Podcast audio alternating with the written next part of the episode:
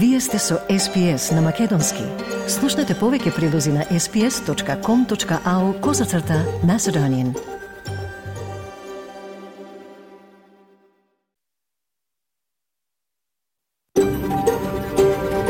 SBS, a world of difference. You're with SBS Macedonian on mobile, online, and on radio. Вие сте со SPS на Македонски, на мобилен, преку интернет и на радио.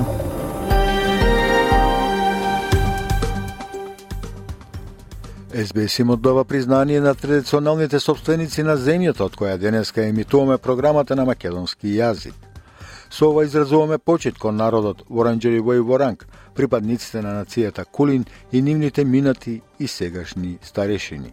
Признание исто така им оддаваме на традиционалните собственици на сите земји на абориджините и народите од Торес Стрейт островите, од чија земја ја слушате нашата програма. Добар ден, денес со вас ќе биде Васе Коцев.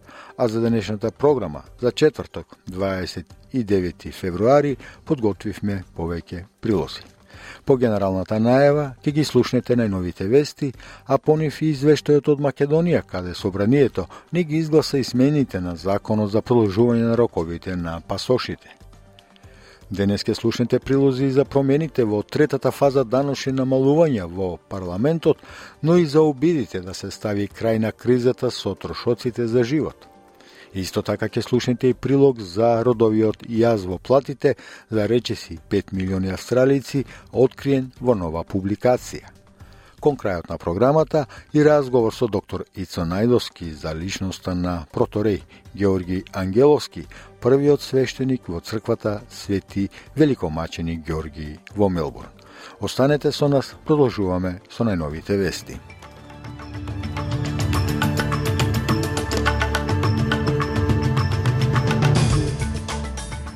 А од денешниот билтен вести издвојуваме.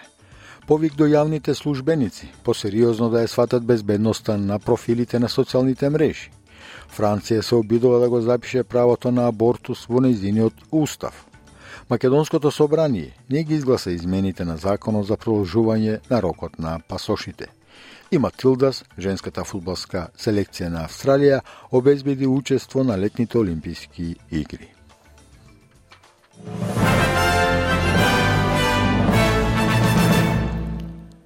Коалицијата ги повика јавните службеници да бидат повнимателни за ризиците за националната безбедност, откако АСИО откри дека јавните службеници и владините контрактори се цел на странски шпионски служби на интернет. Портпаролот на опозицијата за внатрешни работи, Джеймс Петерсон, вели дека околу 14.000 австралици имаат безбедносен сертификат, наведен на една професионална веб страница за вмрежување. Господин Петерсон вели дека тоа однесување треба да престане. Clearly, there are people who are still behaving in a naive way. If you advertise your security clearance on LinkedIn, that is basically putting up a billboard for a foreign intelligence service saying, please contact me. I have sensitive information that I could share with you. There is no reason to publicly advertise it, uh, except put your own interest, your personal interest, ahead of the national interest. Пожарникарите успеа да локализираат два големи пожари кои горат во западна Викторија, еден западно од Баларат, а другиот во Дерил во близина на Джилонг но предупредувањата за следење и дејствување остануваат на место и за двата пожари.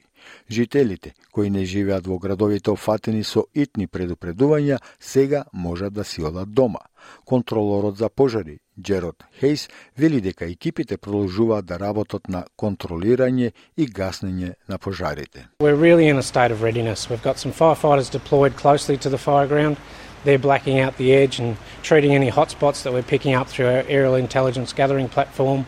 We've got aircraft actively working the edge of the fire and um, firebombing that edge. Францускиот сенат усвои нацрт закон со кој во уставот се запишува правото на жената на абортус. Гласањето го унапредува ветувањето дадено од председателот Емануел Макрон како одговор на враќањето на правата за абортус во Соединетите Американски држави, бидејќи долниот дом на Франција, Националното собрание со големо мнозинство го одобри предлогот во јануари. Тоа значи дека мерката сега оди пред заедничка седница на парламентот за нејзино очекувано одобрување со три петини мнозинство следната недела. Министерот за правда Ерик Дупон Морети вели дека гласањето е историско и дека Франција ќе биде првата земја во светот што ќе запише во уставот слободата на жените да имаат контрола врз собственото тело. Nous serons le premier pays au monde à inscrire dans la Constitution We will be the first country in the world to enshrine in the Constitution the freedom for women to have control over their own bodies. This vote reiterates to those who don't know it yet that women in our country are free. This vote reiterates how attached we all are to this freedom. À quel point nous sommes tous attachés à cette liberté. Во Македонското собрание не поминаа измените на Законот за патни исправи, кои беа предложени од пратениците на ВМРО ДПМНЕ, а со кои се бараше продолжување на важноста на старите пасоши со Република Македонија до крајот на 2024 година. Македонските државјани сепак ќе мора да ги заменат старите пасоши со нови на кои ќе го пишува новото име.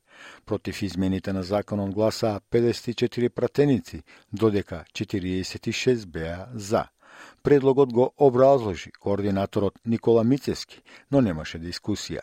Уште од порано од СДСМ најавија дека нема да дадат подршка со образложение дека тоа би било спротивно на уставот со кој меѓународните договори, како што е преспанскиот, не може да се менуваат.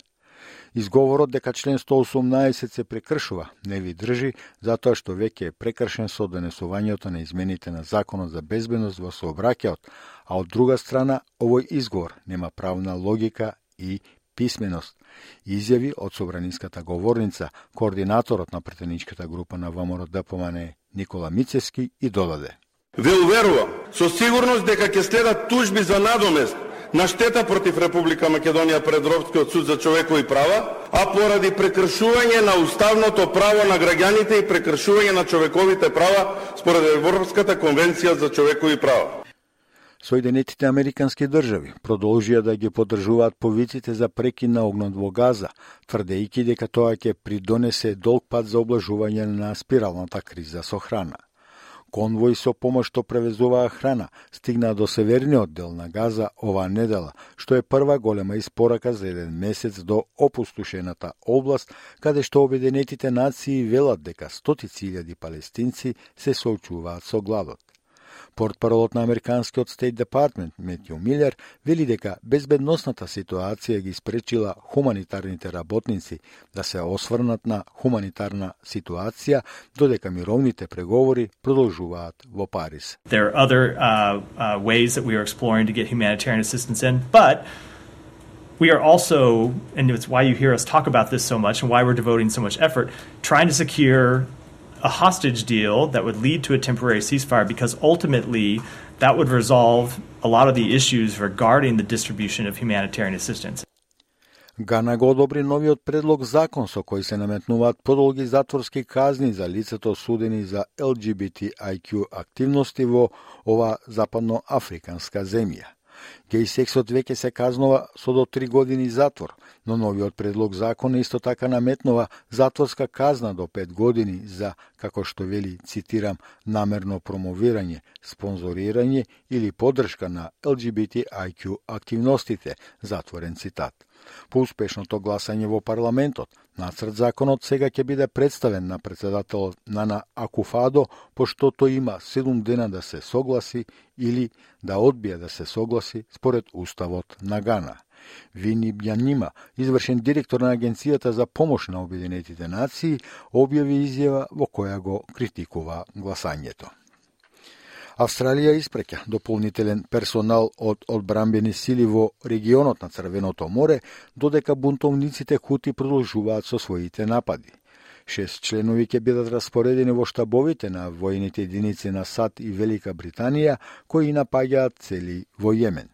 САД вршат речиси секојдневни напади против хутите поврзани со Иран кои ги контролираат најнаселените делови на Јемен и велат дека нивните напади врз бродовите се во знак на солидарност со палестинците, додека Израел ја напаѓа Газа. Министерот за одбрана Ричард Марлс изјави за Канал 7 дека оваа последна обврска е посебна, но исто толку важна како и распоредувањето до 16 лица воен персонал во комбинираните поморски сили во Бахрейн во рамките на операцијата Маниту. both efforts are directed about maintaining freedom of navigation, freedom of shipping in the Red Sea. But clearly, the strikes on uh, the Houthi bases is a, is a step up in action, but one that we believe is very important, which is why uh, we're making sure that we are participating and supporting the US and the UK in that action. Филипинскиот председател Фердинанд Бонгбонг Маркос помладиот се обрати на заедничката седница на Австралискиот парламент. Господин Маркос помладиот во својот говор ги опиша климатските промени и геополитичката тензија како заеднички закани за Австралија и Филипините. Geopolitical polarities and strategic competitions threaten our hard won peace, even as we remain beset by unresolved inequities and inequalities within and amongst nations. Powerful and transformative technologies can destabilize our political and social order. Climate change threatens our very existence. These tectonic shifts are acutely felt in the Indo Pacific. Обрекањето е дел од дводневната посета на Камбера пред самитот на АСЕН Австралија во Мелбурн следната недела. Премиерот Ентони Албанези исто така ќе разговара со филипинскиот лидер за време на неговата посета на парламентот. Силните топлотни бранови што ги зафатија Западна Австралија и Јужна Австралија се упатуваат кон исток. Условите за топлотните бранови во австралиската капитална територија се очекува да почнат да се намалуваат поврвот во средината на неделата, но максималните температури и денес би можеле да се движат над 30 степен. Во Нов Јужен Вилс, морските ветришта во, на кои делови од Сиднеј се подпираат за разладување, се очекува да имаат мал ефект денес, при што временската прогноза предвидува температури околу 10 степени над просекот. Хенрит од Бирото за метеорологија вели дека тие температури ќе го направат најтоплиот февруарски ден од 2020 година за некои предградија. И од спортот. Матилдас го резервира своето место на овогодинешните Олимписки игри во Париз, победувајќи го Узбекистан и во Ревашот со 10 према 0. Канонадата од голови во првото полувреме за Австралија, вклучително и 4 гола од ветеранката Мишел Хейман, со што Австралија со 8 спрема 0 водеше веќе на полувремето. Хейман, која се врати од фудбалска пензија во Матилдас по повредата на звездата Сем Кер, постигна хеттрик во рок од 16 минути. Два гола во второто полувреме ја заокружија нагласената висока и убедлива победа од 10 спрема 0 против Узбекистан.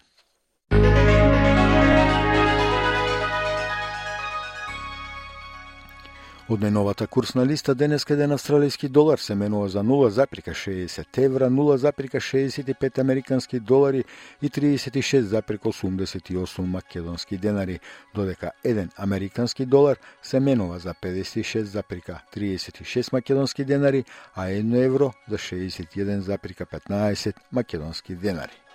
И временската прогноза за поголемите градови во Австралија утре петок, 1 март – Перт сончево со температура до 34 степени, Аделаид претежно сончево до 28, Мелбурн делумно облачно до 25, Хобар делумно облачно 24, Камбера делумно облачно до 33 степени, во Сиднеј делумно облачно со температура до 29 степени, Бризбен претежно сончево до 32, Дарвин кратки повремени врнежи, можна и бура до 33 степени и во Али Спрингс врнежи, можна и бура до темп, со температура до 32 степени.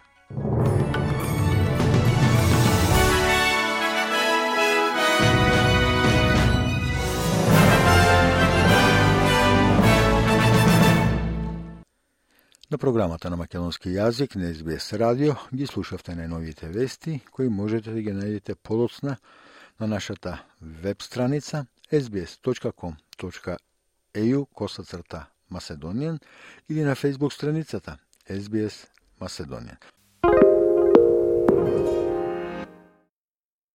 Слушате SBS радио, програма на македонски јазик. Денес со вас е Васе Коцев. Следува извештајот од Македонија, денес подготвено нашиот соработник Милчо Јовановски. Известува на повеќе теми, меѓу кои и за тоа дека Македонското собрание не ги изгласа измените на законот за продолжување на рокот на пасошите, а во меѓувреме Европската унија со порака до Македонија, цитирам, државата да ги почитува меѓународните договори, признавањето на пасошите е работа на секоја членка одделно укинување на балансерот, уставни реформи и враќање на унитарниот карактер на државата се дел од приоритетите на Живко Попов, новиот председател на Македонската Академија на науките и уметностите. Председател Стево Пендаровски во рамки на учеството на самитот Украина Југоисточна Европа во Тирана оствари средба со председателот на Украина Володомир Зеленски и Уставниот суд ја укина графата националност во Законот за матична евиденција. За овие и за останатите настани подетално во извештајот.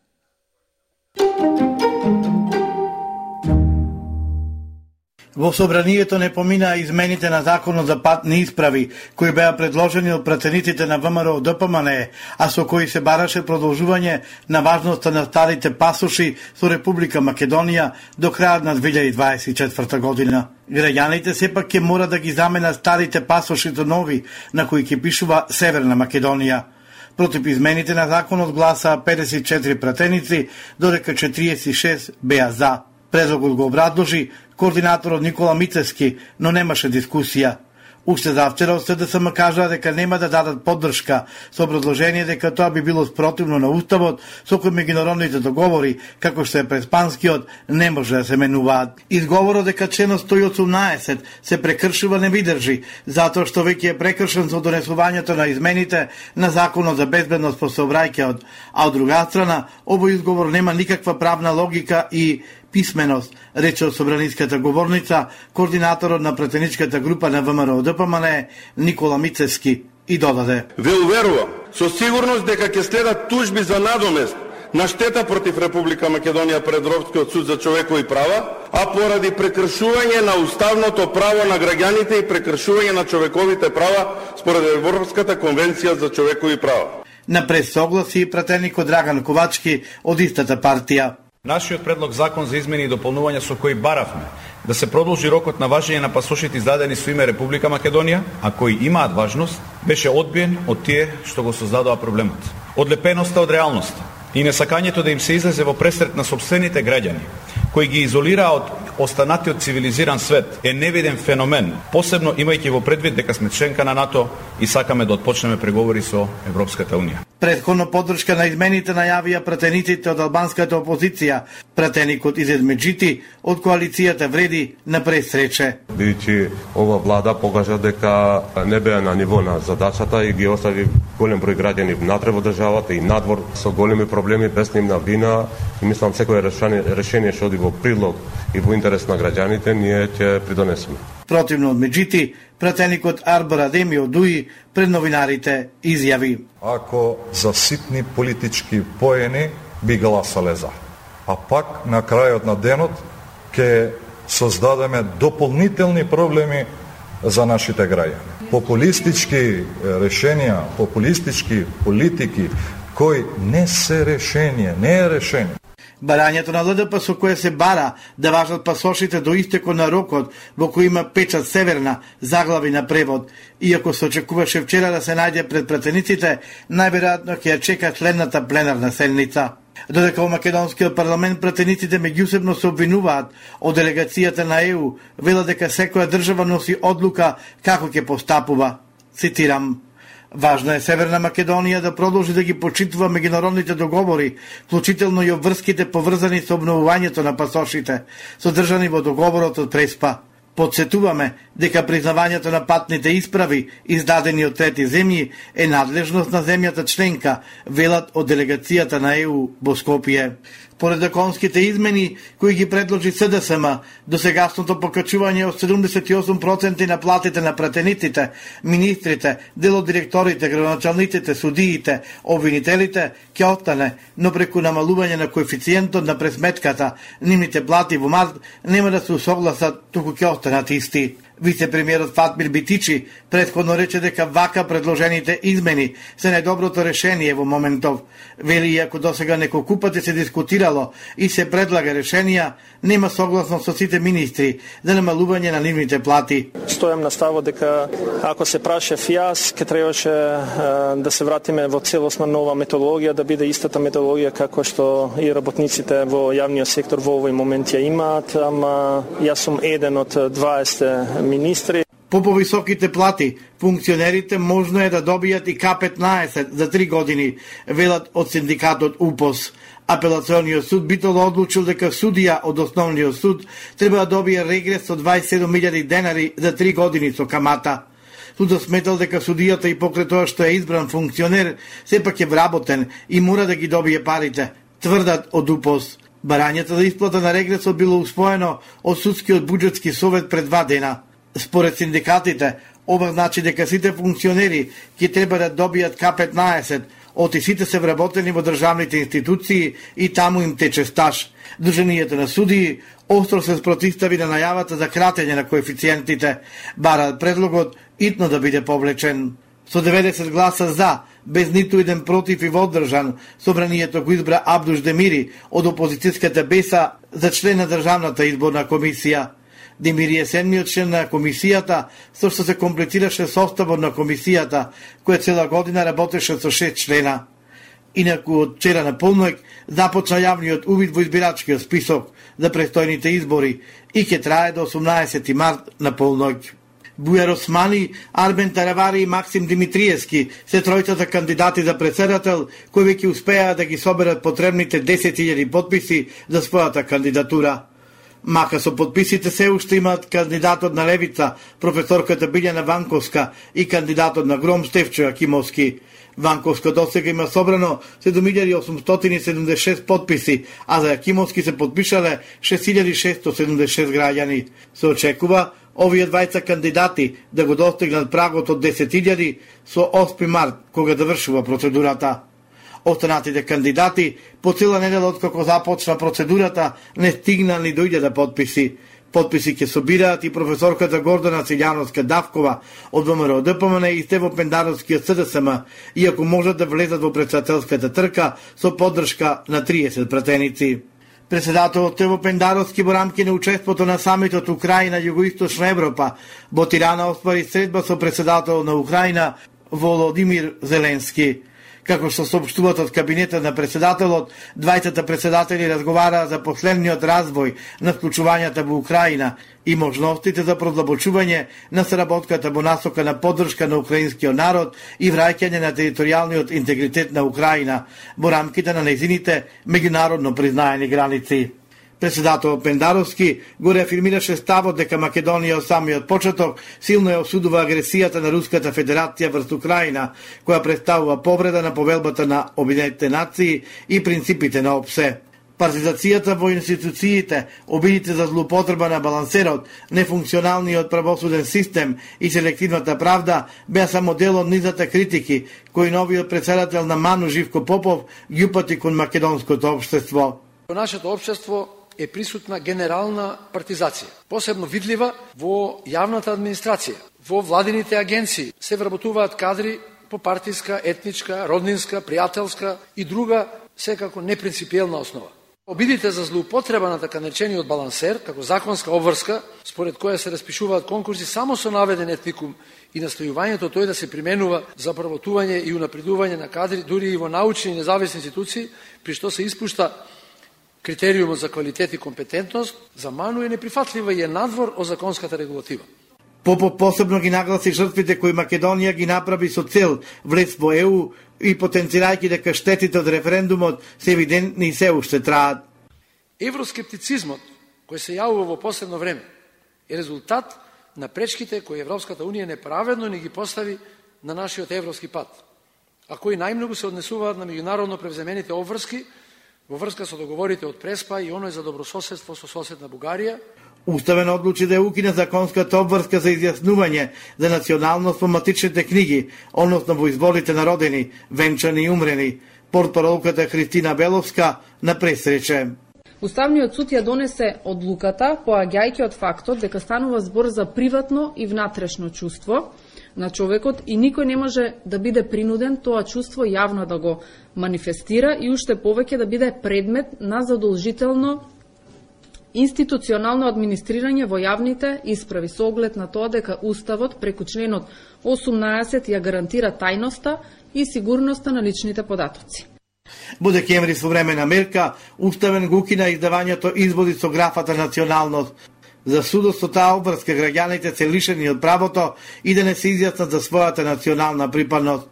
Уставниот суд лани поведе постапка по собствена иницијатива, откако министерот за правда Кренар Лога објави во мај лани упаство за задолжително изјаснување за националност, затоа што не беше објавено во рок од 7 дена од моментот на неговото донесување и тој предмет е завршен. На програмата на СБС радио на македонски јазик го слушавте нашиот соработник од Македонија Милче Јовановски со својот редовен извештај за најновите настани.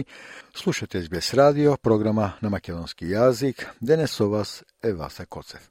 Програмата ја продолжуваме со прилози на домашни австралијски теми. Имено, промените во третата фаза даношни намалувања поминаа во парламентот. Тоа е победа за лабористичката влада која обезбеди подршка од коалицијата за даношните промени. Но една легислатива нема да стави крај на кризата со трошоците за живот, со повици до владата да стори повеќе за решавање на ова тековно прашање. Пообширно за тоа ќе дознаете од прилогот што за СБС Ньюс го подготви Ранија Јалоп. Вие сте со СПС на Македонски. Лабористите ја добија својата прва политичка битка за оваа година со измените за трите даношни намалувања што го поминаа во Федералниот парламент. Во таа пригода премиерот Ентони Албанезе рече дека ова е огромна победа за сите 13,6 милиони австралијски даночни обврзници. Тоа значи, рече тој, дека 84% од австралијците ќе добијат поголемо намалување на даноците, отколку што би имале според планот на либералите. This is a huge win for all 13.6 million Australian taxpayers. It means that 84% of Australians will get a bigger tax cut than they would have under the Liberals' plan. Даношните намалувања во третата фаза беа последниот чекор од даношните промени што ги озакони поранешната коалициска влада. Првите две фази се со внимание на промените во пониските даношни загради, при што во последната фаза беше одстранета даношната група и се одданачуваше приходот помеѓу 45.000 и 200.000 австралијски долари со стапка од 30%. Новиот план ги шири намалувањата на постојните даношни загради, намалувајќи ја заградата од 32,5 на 30%, изголемувајќи ги праговите за даношни загради. Како резултат на тоа, австралијците кои заработуваат помалку од 150.000 долари ќе добијат поголемо намалување на даноците, додека оние со повисоки примања ќе имаат поскромно намалување од предходно планираното. Лабористите ветија дека нема да прават промени во даношните намалувања пред изборите во 2022 година, но го прекршија тоа ветување предходно оваа година. Премиерот Ентони Албанезе вели дека промената на економските околности ги принудила да направат промени и додава меѓу другото дека тоа не била лесна одлука, но ја донеле вестинската одлука од сите правилни причини. We made not an easy decision, we made the right decision for all the right reasons. Uh, we know that families are under cost of living pressure. The idea that we could sit back and ignore the clear recommendations that this was the best way that we could have an impact of providing that assistance to Middle Australia without putting upward pressure on inflation. We couldn't ignore that. Коалицијата гласаше за промените, но потегот го значи како повреда на довербата. Енгос Тейлор вели дека е разочаран од начинот на кој настанале промените и вели дека многу го подржувале даношното леснување. Она што не го подржувале е начинот на кој оваа влада избра да го финансира, што требаше да го прекрши ветувањето што премиерот и благајникот дадоа повеќе од 100 пати. We're supportive, as you know, very supportive of tax relief. What we're not supportive of is the way this government chose to fund it, which was to break a promise that they made, the Prime Minister and the Treasurer, over 100 times.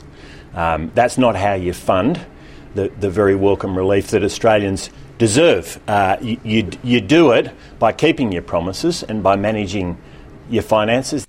Еден дел од законодавството нема да стави крај на кризата со трошоците за живот. Цената на намирниците е клучен фокус поради загриженоста дека двата големи супермаркети неправедно ги изголемуваат цените. Владата и наложи на Австралиската комисија за конкуренција и потрошувачи да ги прегледа цените и конкуренцијата во секторот и нарача ревизија на кодексот на однесување за намирници кој регулира како супермаркетите ги третираат добавувачите. Но дополнителните прегледи не се доволни за некои пратеници. Независните пратеници Боб Катер и Ендрю Вилки повикаа на итна акција за справување со постојано растечките цени. Тие предлагаат принудно располагање или продавање и назначување комесар за справување со антиконкурентното однесување. Ендрю Вилки вели дека недостатокот на регулатива им дозволува на трговците на мало да наплаќаат колку сакаат и додават дека овие супермаркети имаат огромен монопол и го користат тој монопол и таа моќ од нивниот монопол за да наплаќаат колку сакаат. Секако имаат неколку ефтини артикли за да не одведат до влезната врата. These supermarkets, they have a thumping big monopoly and they use that monopoly and that, and that power of, from their monopoly to charge whatever they want. Sure, they have a few cheap items to get us in the front door, but when you go down the aisles and get everything else, uh, heavens, you know, your eyes water and you pay for it at the checkout. Господин Вилки вели дека принудното располагање ќе помогне да се подобри конкуренцијата и додава дека доколку овој предлог закон може да биде донесен во закон секоја година во текот на 5 години и Вулворц и Колц ќе мора да се откажат од 5% од уделот на пазорот.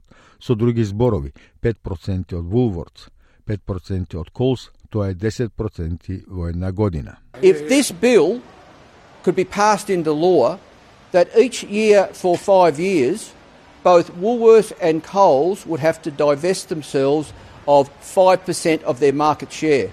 In other words, 5% Woolies, 5% Coles, that's 10% a year. So over five years, Woolies and Coles would go from around 70% down to about 20%. And that would bring Australia into line with similar countries around the world. Боб Катер вели дека однесувањето на супермаркетите им штети и на земјоделците.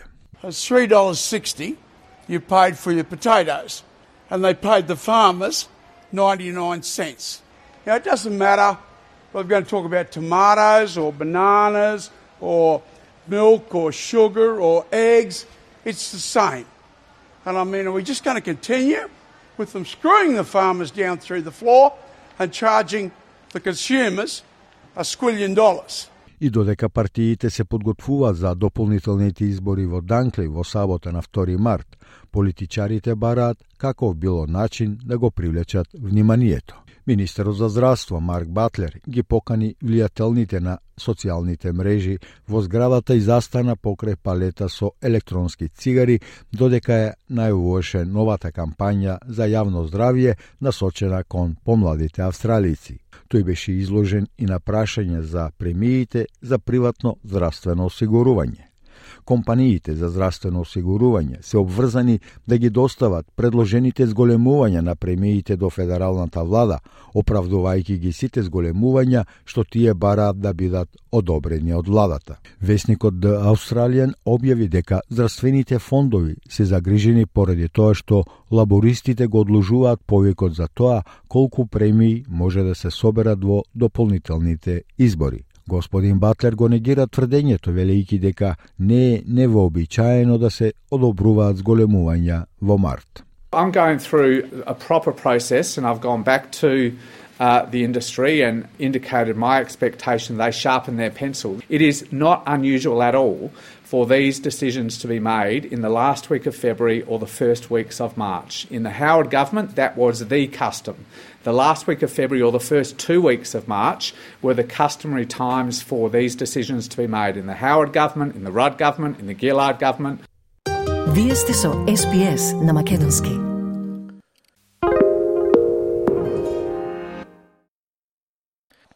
Како и што најавив почитувани пред блокот маркетинг, денес продолжуваме со откривање на личноста на проторей Георги Ангеловски, првиот свештеник на првата македонска православна црква надвор од Македонија, свети великомаченик Георги во Мелбурн. Како се дојде до неговиот избор за свештеник, кој ќе одигра главна улога во организирањето на духовниот и културно-обштествениот живот на македонците во Мелбурн со дополнителни податоци во прилогот за отецот Георги Ангеловски се вклучува и познатиот активист на македонската заедница од Мелбурн, доктор Ицо Најдовски. Со доктор Ицо Најдовски разговараше колешката Маргарита Василева. Да го слушнеме разговорот.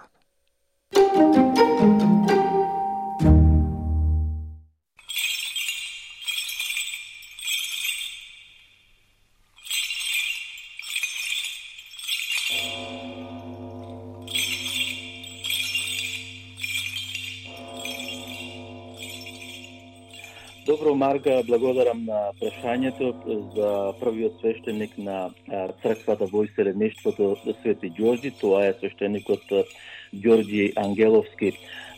Верувам дека малку малкумина знаат свештеникот Ѓорѓи Ангеловски, дека е стрико на познатите актери од Република Македонија, Коле и Владимир Ангеловски. Коле и ден денес е жив, значи Ѓорѓи Ангеловски е нивни стрико, а пак на Ѓорѓи брат му Борис исто така е свештеник и заедно тие работат во Скопје. Видете, уште еден збор, два сакам да кажам, пред да дојде свештеникот Ѓорѓи Ангеловски во овде во Мелбурн, во Свети Ѓорѓи. Тие со братот Борис се многу познати и стакнати личности во Скопје, родени се во Чаир, меѓутоа што многу важно е дека и двајцата учествуваат во народно-ословителната војна на Македонија против фашистичка Бугарија и како такви учествуваат и во формирањето на Македонската православна црква уште 1943 година, па и натаму. А, пред да се освети Македонската православна црква во Мелбурн, Свети Ѓорѓи од Фицрој, знаете вие дека во Македонија 1958 година Македонската православна црква прогласи независноста. Таа беше првата, првото прогласување на независноста. Македонците поттикнати овде во Австралија од независноста на Македонската православна црква, побараа свештеник, како што веројатно на многу умина им е познато. Местото во Фицрој беше веќе купено 56 година, односно одборот беше тогаш формиран 1956 година.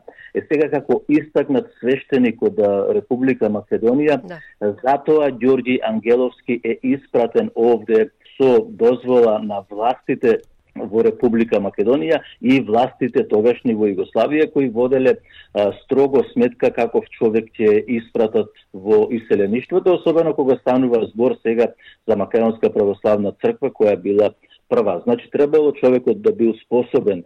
А, Ѓорѓи Ангеловски е испратен пред да дојди неговото високо пресвещенство владиката Злетовски Струмичко Зетовски наум со свештеникот Нестор и тие тројцата ја осветуваат црквата Свети Ѓорѓи во Фицрој на 7 август. Значи Ѓорѓи Ангеловски е дојден малку порано за да ја направи припреми за осветување на црквата и пречек на црковната делегација во 1960 година. За какви подготовки? За осветување, нели, за да се освети една црква, потребни се големи подготовки. Потребно е да се знае каде треба да биде антимисот, каде треба да биде алтарот, дали ќе ги има сите тие потребни црковни канонски мислам потреби кои се дали доаѓа владиката во вистински луѓе да не осветат некоја друга црква, како што беше случајот со црквата Свети Кирил и Методија, кој се, која се наоѓаше на другата страна, на, на крајот од Јанг Стрит, каде што беше и Свети Ѓорги, а потаму, нели, беше и Грчката православна црква во 60-та година, а пак ова нашата македонска православна црква, првата така наречена, да. беше осветена од владиката бугарски Андреј Велички и сега за да не дојде до недоразбирање, затоа требаше да има делегација со подготовка, а таа подготовка ја направи и свештеникот Ѓорѓи Ангеловски. Значи, Ѓорѓи Ангеловски ја направи подготовката и ги испита состојбите и стануваше збор за чиста македонска православна црква, која ќе биде под јурисдикција на духовна јурисдикција на Македонската православна црква возобновена 1958 година. Свештеникот црквата се освети, нели реков, на 7 август после Илинден, не стигнаа на 2 август да се освети. А, тоа се направи на 7 август 1960 година. Свети Ѓорѓи станува првата македонска Свети Климентова црква надвор од татковината за да работи со македонските православни верници овде. Е сега, свештеникот Ѓорѓи Ангеловски во Македонија исто така бил познат и како скулптор и уметник.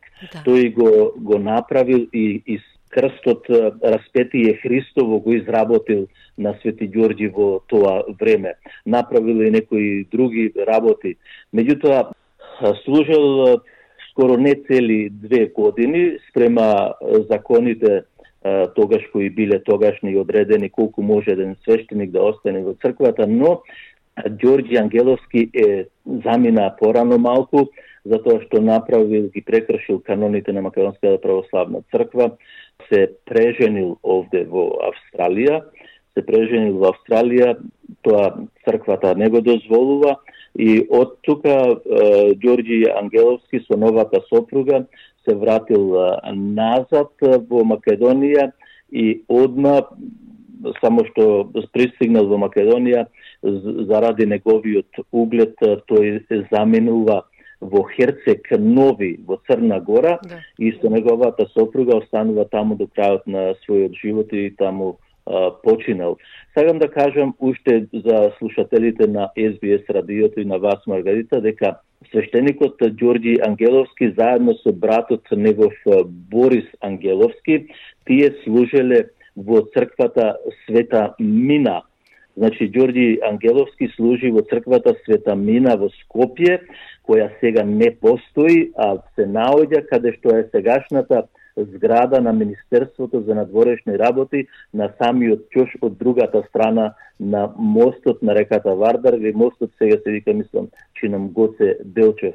Значи, таму била црквата Света Мина, таму служел и од таму доаѓа овде, но за жал таа црква се распаднува до темели се од 1967 година. Инаку, спрема надлежните тогашни во Југославија или во Македонија, да кажеме, и Македонската православна црква имале закон донесено, мислам наредба донесена, свештениците да служат по две години. Така, Ѓорѓи Ангеловски служел неполни две години, после него доаѓа во Свети Ѓорѓи свештеникот Цветко Крстевски, од село Долнен и Прилепско, кој покасно станува поглаварот на Македонската православна црква Ангелари и во собраќање несреќа загинува 1986 година, која е мощне сомнителна и се смета дека е наместена. После Цветко Крстевски доаѓа Спиро Поповски од Кривогаштани и тој служи овде две години во Свети Ѓорѓи и заминува на двете години. После Спиро Поповски доаѓа веќе на македонската јавност е широко позната, доаѓа Методи Гогов од Штип, покасно и тој поглавар на Македонската православна црква и така, мислам понатаму сметам дека се се знае за развојот на првата македонска православна црква, првото македонско свето кандило, свети Климентово кандило, свети Ѓорѓи. Значи, Ѓорѓи Ангеловски бил угледен човек од угледна фамилија, учествувал во Втората светска војна и како таков и како свештеник во организирањето на Македонската православна црква е испратен и овде да организира црковен живот во иселеништвото. Ете, тоа беше разговорот со доктор Ицо Најдовски, кој со колешката Маргарита Василева разговара за личноста на протореот Георги Ангеловски, првиот свештеник на првата македонска православна црква надвор од Македонија, свети великомаченик Георгиев во Мелбурн. Разговорот со докторица Најдовски, колешката Маргарита Василева го продолжува и во нашата утрешна а, програма.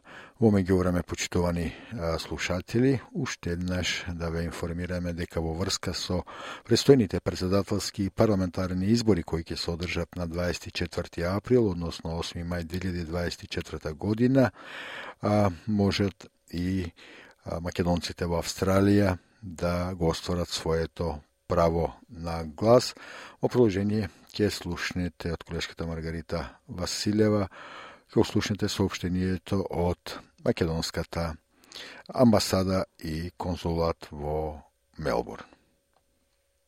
Сите македонски државјани кои се со привремен или постојан престој во Австралија, ако сакат да го остварат своето гласачко право на предстојните председателски парламентарни избори кои ќе се одржат на 24 април, односно 8 мај 2024 година, сите информации за процесот на запишување во посебниот извод и гласање, како и пријавување за гласање за предстојните избори, заедно со потребните пропратни формулари можат да ги добијат на веб страните на Министерството за надворешни работи и на држава Државната изборна комисија, амбасадата во Камбера, како и преку Генералниот конзулат во Мелбурн. Регистрацијата за гласање на предстојните избори ќе трае од 18 март оваа година односно до 18 март оваа година, додека увидот во избирачкиот список ќе трае од 28 февруари до 18 март 2024 година. Увидот во избирачкиот список државјаните можат да го избрише, од да го односно да го извршат сами на веб страната на Државната изборна комисија.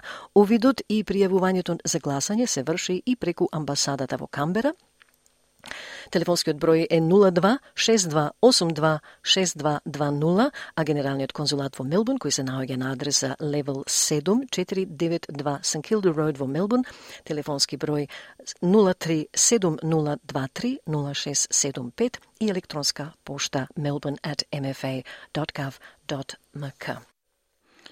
Со тоа обштување полека се ближиме до крајот на денешната програма. Уште еднаш да се подсетиме на најважните настани на денот.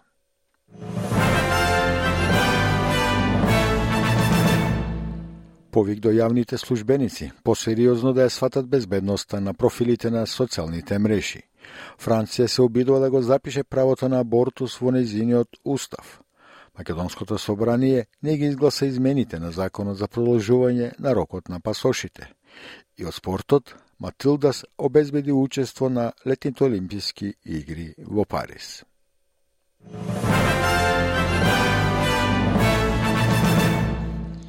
И тоа е се за денеска, поштовани слушатели. Благодарам што бевте со нас во изминатиот час. Ве очекуваме и утре во истиот термин, а во меѓувреме за избор прилози, интервјуа и видеорепортажи на разни теми од разни настани во македонската зеница, можете да не посетите нашата интернет страница sbs.com.eu косацрта Macedonian, како и на нашата веб стран, Facebook страница SBS Macedonian, каде можете да оставите и ваш коментар под сите содржини.